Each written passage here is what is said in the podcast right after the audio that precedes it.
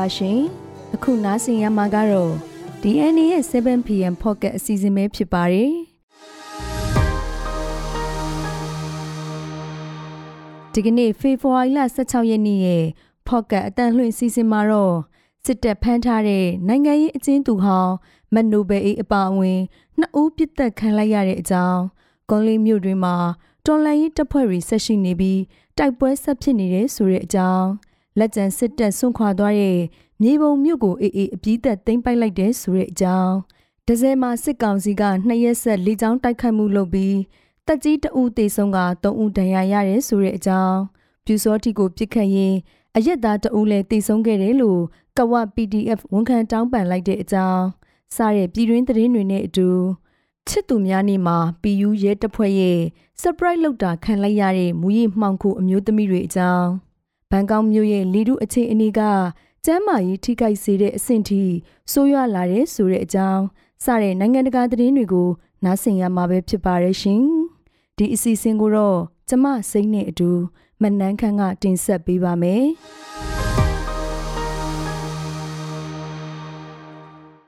အခုပြည်တွင်းသတင်းတွေကိုတင်ဆက်ပေးပါမယ်ရှင် ပထမအဦးဆုံးပြောပြချက်နဲ့အကြောင်းကတော့စစ်တပ်ဖမ်းဆီးထားတဲ့နိုင်ငံရေးအကျဉ်းသူဟောင်းမက်နိုဘေးအေးအပါအဝင်နှစ်ဦးပြစ်တက်ခံရတယ်ဆိုတဲ့အကြောင်းပါစကောင်စီဖမ်းဆီးထားတဲ့နိုင်ငံရေးအကျဉ်းသူဟောင်းမက်နိုဘေးအေးအပါအဝင်နှစ်ဦးကိုဝေါ်တရားရုံးမှာရုံးထုတ်ရမန်ယူပြီးအပြန်မှာထွက်ပြေးဖို့ကြိုးစားတယ်ဆိုပြီးစကောင်စီတပ်ဖွဲ့ဝင်တွေကပြစ်တက်လိုက်တယ်လို့မိသားစုဝင်တွေက DNA ကိုပြောပါတယ်။ နိုင်ငံရေးအကျဉ်းသားဟောင်းအတိုင်းအဝိုင်းကြားလူသိများတဲ့မက်နိုဘဲအေးအပါအဝင် အမျိုးသားတဦးနဲ့ရမောင်းတဦးတို့ကိုပြီးခဲ့တဲ့ဇန်နဝါရီလ29ရက်ကပဲခူးတိုင်းဝေါ်မြို့နယ်ညောင်ခါရှည်စစ်ဆေးရေးဂိတ်မှာစစ်ကောင်စီတပ်ကဖမ်းဆီးခဲ့တာပါ။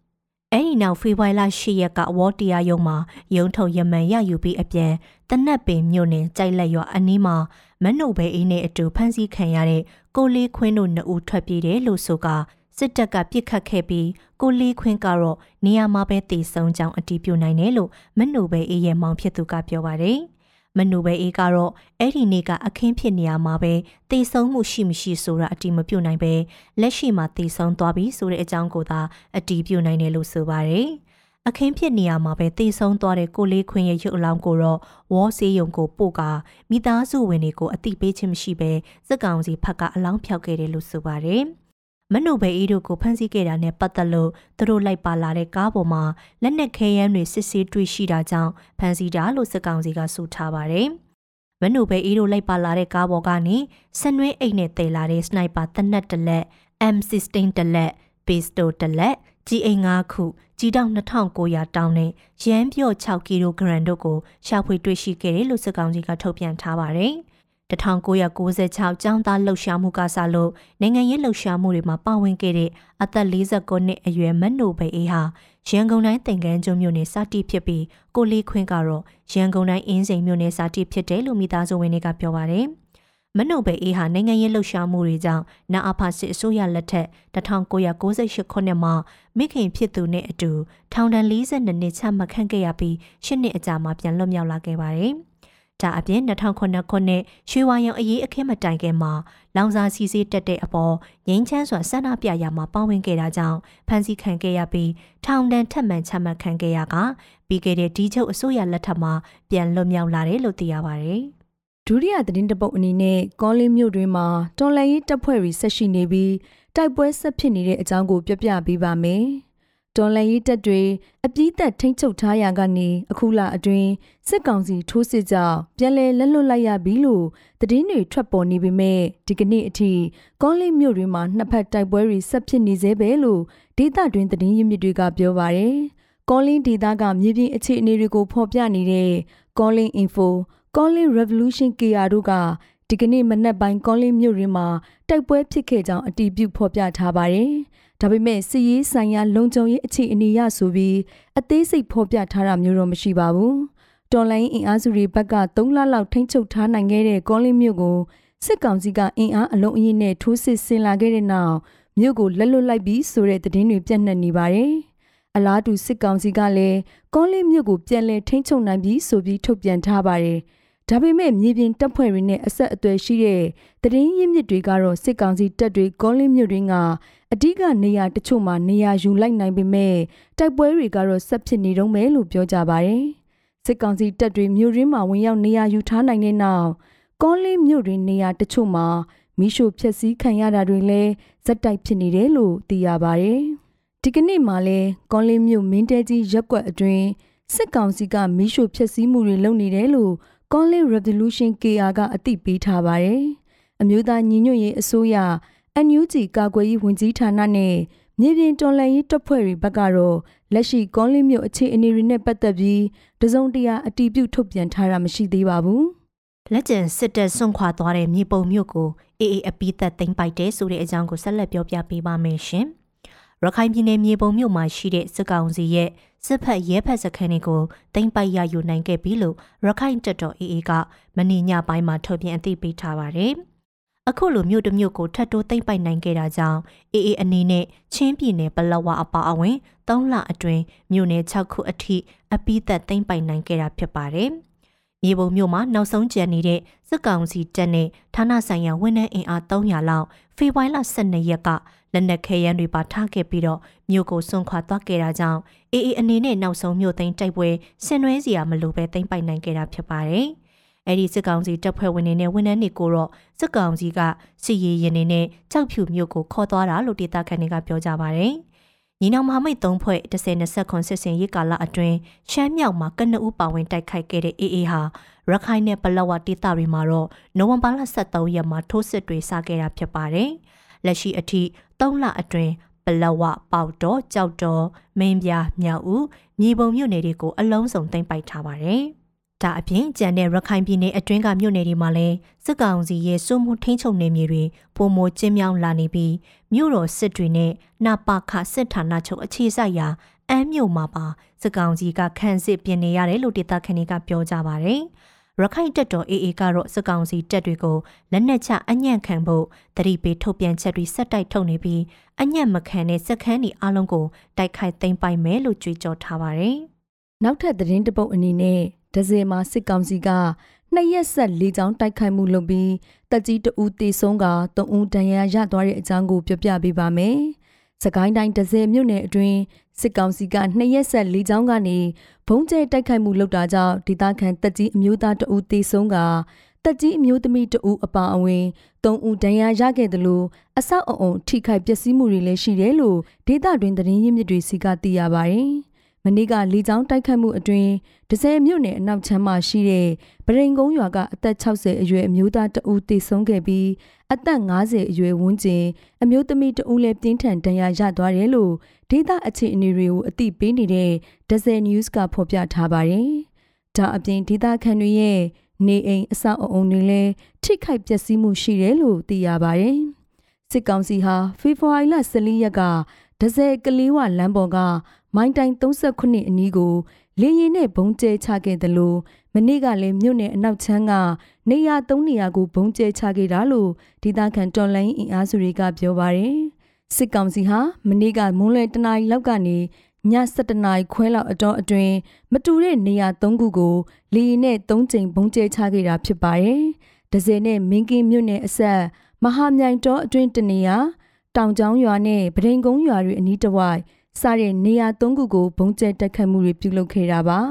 အဲ့ဒီလိုလေကြောင်းကတိုက်ခိုက်ခံရတဲ့နေရာတွေမှာတိုက်ပွဲဖြစ်နေတာမရှိဘူးလို့လက်တလောသတင်းအချက်အလက်တွေရသိရပေမဲ့ဘာကြောင့်ဘုံကျဲတိုက်ခိုက်ခဲ့တဲ့ဆိုတဲ့အသေးစိတ်အခြေအနေတွေကိုတော့မသိရသေးပါဘူး။ဒဇယ်ကလေးဝလန်းမိုင်းတိုင်38အနီးကိုဖေဖော်ဝါရီ14ရက်နေ့နေ့လယ်ပိုင်းက ဘုံကျဲချခဲ့တဲ့လေကြောင်းတိုက်ခိုက်မှုကြောင့်လေခရီးသွား2ဦးဒဏ်ရာရပြီးကားတချို့ထိခိုက်ပျက်စီးခဲ့ပါသေးတယ်။ဗျူစောထီကိုပြစ်ခတ်ရင်အရက်သားတအုပ်လဲတေဆုံးခဲ့တယ်လို့ကဝ PDF ဝန်ခံတောင်းပန်နေဆိုတဲ့အကြောင်းကိုပြောပြပေးပါမယ်။ပဲခူးတိုင်းကဝမြို့နယ်အတွင်းကဂျီရွာပြူစောထီကောင်းဆောင်တအုပ်ကိုအခုလအတွင်းလှုပ်ကြံပြစ်ခတ်ရင်အရက်သားတအုပ်ကိုပါ တနက်ထိမှန်တေဆုံးစေခဲ့တာကြောင့်တေဆုံးသူရဲ့မိသားစုကိုအလေးအနက်တောင်းပန်တယ်လို့ကဝမြို့နယ်ပြည်သူ့ကာကွယ်ရေးတပ်ဖွဲ့ကဝ PDF ကဒီကနေ့မှထုတ်ပြန်လိုက်ပါတယ်။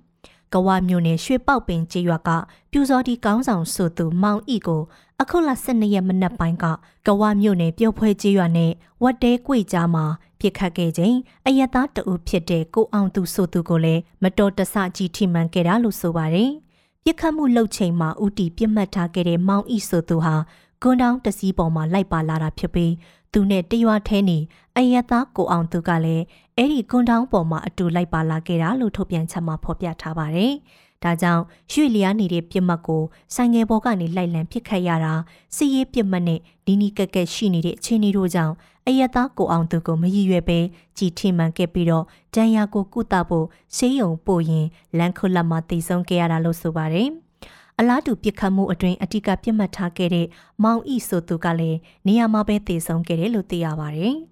ဒီဖြစ်စဉ်နဲ့ပတ်သက်လို့အသေးစိတ်စုံစမ်းစစ်ဆေးမှုတွေပြုလုပ်ခဲ့ပြီးတော်လန်ရေးကာလကြားကာလအသွင်ကူးပြောင်းရေးကာလမိတိကာလမှာဖြစ်စဉ်ကြီးပြူစွာအစစ်ဆေးခံမယ်လို့ဖော်ပြထားပါတယ်။ကဝမျိုးနယ်ပြည်သူ့ကာကွယ်ရေးတပ်ဖွဲ့အနေနဲ့တော်လန်ရေးကာလ3နှစ်အတွင်းမြို့ပြစစ်စင်ရေးလှုပ်ရှားမှုတွေမှာစစ်ရေးပြတ်မှတ်ကိုသာအတိကဦးတည်တိုက်ခိုက်ခဲ့တယ်လို့ဆိုပါတယ်။ ဒါအပြင်ပြည်သူတွေအနေနဲ့စက်ကောင်စီတောက်တိုင်နေနဲ့နိနိကက်ကက်နေထိုင်သွားလာမှုမပြုလုပ်ကြဖို့လဲအကြိမ်ကြိမ်သတိပေးပန်ကြားခဲ့တယ်လို့ထုတ်ပြန်ချက်မှာဖော်ပြပါဗျ။လက်ရှိမှာလည်းမြို့ပြစစ်စင်ရေးတွေကိုအရှိန်အဟုန်မြင့်နေတာကြောင့်ပြည်သူတွေအနေနဲ့စစ်ကောင်စီတပ်ဖွဲ့ဝင်တွေအုပ်ချုပ်ရေးဝန်ထမ်းတွေပြူစောထီရီစစ်စေးရေးကိတ်လုံခြုံရေးကိတ်ရဲစခန်းတပ်စခန်း စခန်းချနေရာတွေစစ်ကောင်စီရင်တန်းစစ်ကြောင်းတွေနဲ့နီးနီးကက်ကက်နေထိုင်သွားလာမှုမပြုလုပ်ကြဖို့ထပ်မံတိုက်တွန်းထားပါတယ်။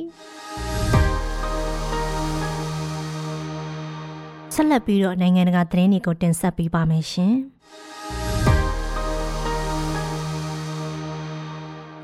ဘီရူရဲတပ်ဖွဲ့ဟာချစ်သူများနေ့မှာ surprise အစီအစဉ်တစ်ခုဖန်တီးပြီးမိုးရစေဝါရောင်းဝယ်သူအမျိုးသမီးနှစ်ဦးကိုလက်ရဖမ်းဆီးခဲ့ပါတယ်။ လီမာမြို့ရဲကသတင်းရထားတဲ့မွေးရစေးဝါရောင်းဝယ်သူတွေရဲ့နေအိမ်ရှိမှာဖေဖော်ဝါရီလ14ရက်နေ့တုန်းက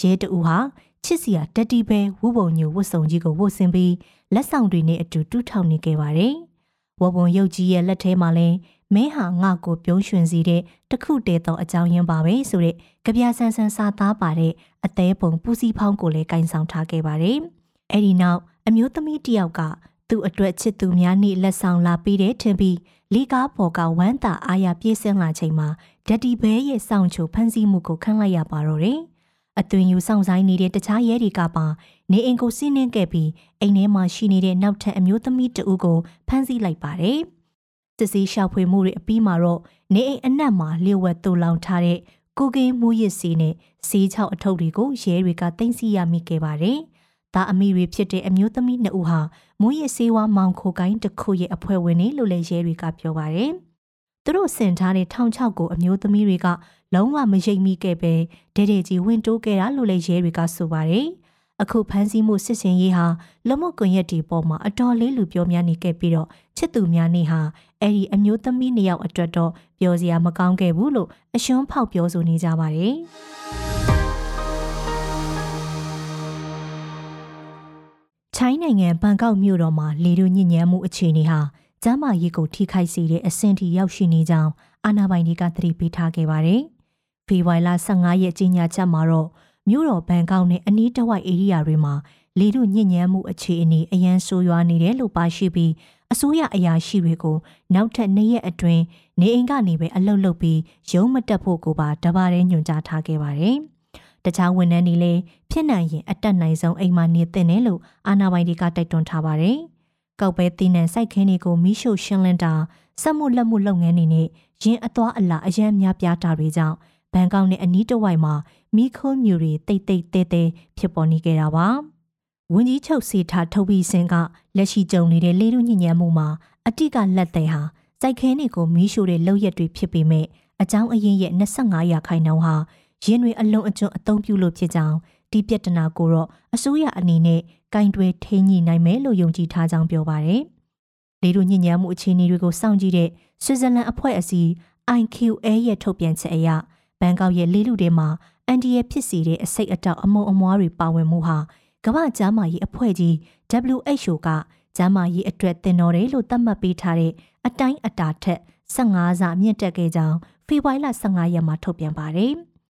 အဲ့ဒီနေ့မှာဘန်ကောက်ဟာကမ္ဘာပေါ်မှာလေထုအညဉ့်ညမ်းဆုံးမြို့ကြီးတွေစည်ရင်းရဲ့နံပါတ်၈နေရာမှာရပ်တည်ခဲ့ပါတယ်။မြို့ခံတချို့ကတော့လေထုညဉ့်ညမ်းမှုဟာရပိုင်းအတွင်ပိုဆိုးလာနေပြီးအသက်ရှူကျက်တာမျက်စိကျိန်းဆက်တာတွေခံစားနေရတယ်လို့ပြောပါတယ်။ထိုင်းအစိုးရဟာလယ်သမားတွေအတွက်စိုက်ခင်းနေမိရှို့မှုကိုလျှော့ချဖို့ဆွဲဆောင်တဲ့ထောက်ပံ့ကြေးတွေရုပ်ကျွင်းလောင်စာသုံးကားတွေအစားလက်စစ်ကားတွေသုံးဆွဲဖို့မလုံပြီးဖြည့်ရောက်မှုတွေမိတ်ဆက်ပေးနေပေမဲ့ လေတို့ညဉ့်ညမ်းမှုတွေကိုတာစီထိန်းချုပ်နိုင်စွမ်းမှာထူးထူးခြားခြားတိုးတက်မလာသေးပါဘူး။ဝန်ကြီးချုပ်ကတော့ရေရှည်အစီအမံအဖြစ်ဘန်ကောက်မှာရုပ်ကျွင်းလောင်စာသုံးကားအရေးအတွက်ကိုပုံမကန့်သက်ပြီးတော့လက်စစ်ကားတွေသုံးဆွဲမှုကိုမြင့်တင်အားပေးဖို့ရည်ရွယ်ကြောင်းပြောကြားထားပါတယ်။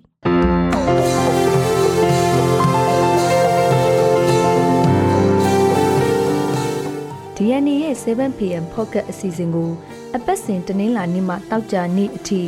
9:00နာရီတိုင်းမှာတင်ဆက်ပေးသွားမှာဖြစ်ပါတယ်။ဒီအစီအစဉ်ကို Anchor, Spotify တို့မှာနားဆင်နိုင်တယ်လို့ DNA ရဲ့ YouTube Channel မှာလည်းဝင်ရောက်နားဆင်နိုင်ပါတယ်။